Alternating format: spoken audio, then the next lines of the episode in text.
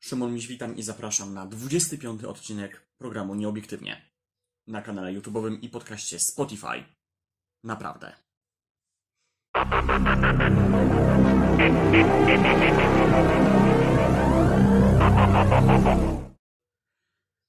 Dlaczego wy to robicie?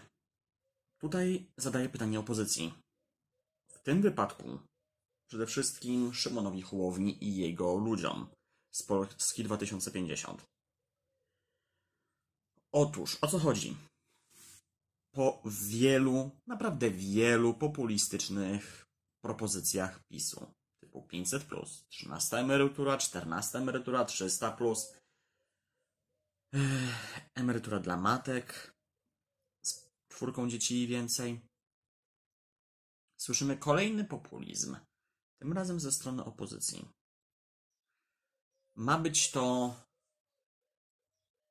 obniżka później, a wcześniej całkowite przerzucenie kosztów składek emerytalnych i być może też zdrowotnych z obywatela do 26 roku życia na państwo.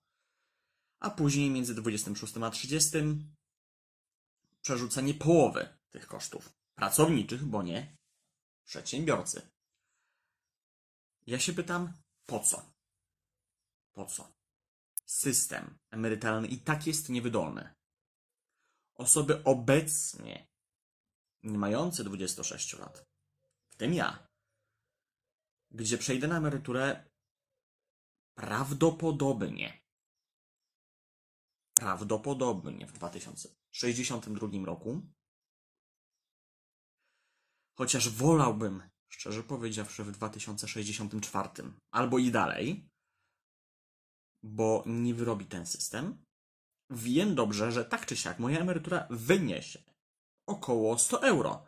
Bo to, że akurat przy okazji też tej konferencji było mówione o tym, żeby Polska wprowadziła euro, to dobrze. Cieszę się, tak powinno być już. Powinniśmy mieć euro od przynajmniej 10 lat. Jako takie duże państwo. Nie mamy. I to jest niestety wina obydwu rządów.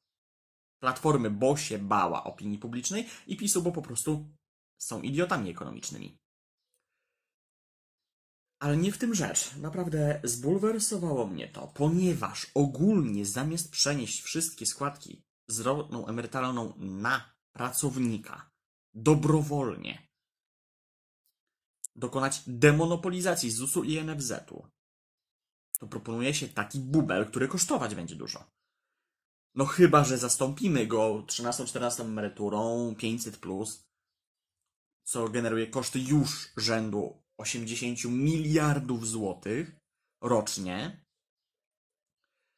Ale tego się nie mówi. Znaczy, tam było wspomniane, że to kosztuje tyle mniej więcej, ile 13 czy 14 emerytura. Ale co więcej, nie było mowy o ich likwidacji. A takie rzeczy, rzeczy trzeba odważnie mówić, bo Polacy, przynajmniej ci normalni, tego chcą.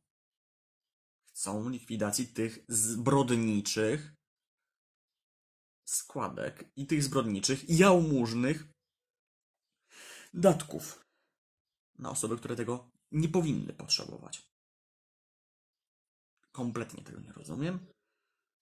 Zresztą Platforma też się ściga, że oni i się boją powiedzieć wprost, że zlikwidują 500+. A powinni to powiedzieć, bo to jest ich obowiązek, żeby zlikwidować coś, co jest złe, co generuje koszty, generuje dług publiczny, generuje biedę i wykluczenie społeczne. Bo o tym też się nie mówi, że przecież bezrobocie nierejestrowane wśród kobiet, które zaczęły pobierać 500, wzrosło diametralnie. I to nie jest wcale prawda, że mamy bezrobocie rzędu 5%. To jest bezrobocie to rejestrowane. Ale drugie tyle jest wśród kobiet, które nie pracują, bo zrezygnowały z pracy na rzecz 500. O tym też się nie mówi. A nie na tym to polega opozycja straciła jakiekolwiek działanie antypisowskie w tej kwestii. To tam powinni być tym antypisem, to tam powinni pokazać, że nie dla PiSu. I powinni pokazywać te wszystkie niepopularne decyzje, ale właściwe na ten moment kryzysu, to po pierwsze, po drugie, przyszłej koniunktury gospodarczej. I tak powinno być. A nie, że rozdajemy kolejne pieniądze bez pokrycia. Bo rozumiem, obniżka, yy, zerowy PIT, Zerowy CIT, co jest moją propozycją, zerowy CIT do 30 roku życia. 25 odcinek. Nieobiektywnie. Zapraszam na kolejne. Klikajcie łapki w górę, subskrybujcie, udostępniajcie. A ja życzę Wam miłego tygodnia. Do zobaczenia i cześć. Oglądajcie, słuchajcie, czytajcie. Wszystko o wojnie w Ukrainie, ale nie tylko. Oglądajcie w serwisie YouTube, programy naprawdę oraz nieobiektywnie, a także inne specjalne wydania programów. Słuchajcie te programy w serwisie Spotify. Czytajcie naprawdę.blog. Najważniejsze informacje, ciekawe artykuły o Polsce i świecie. Serdecznie zapraszam.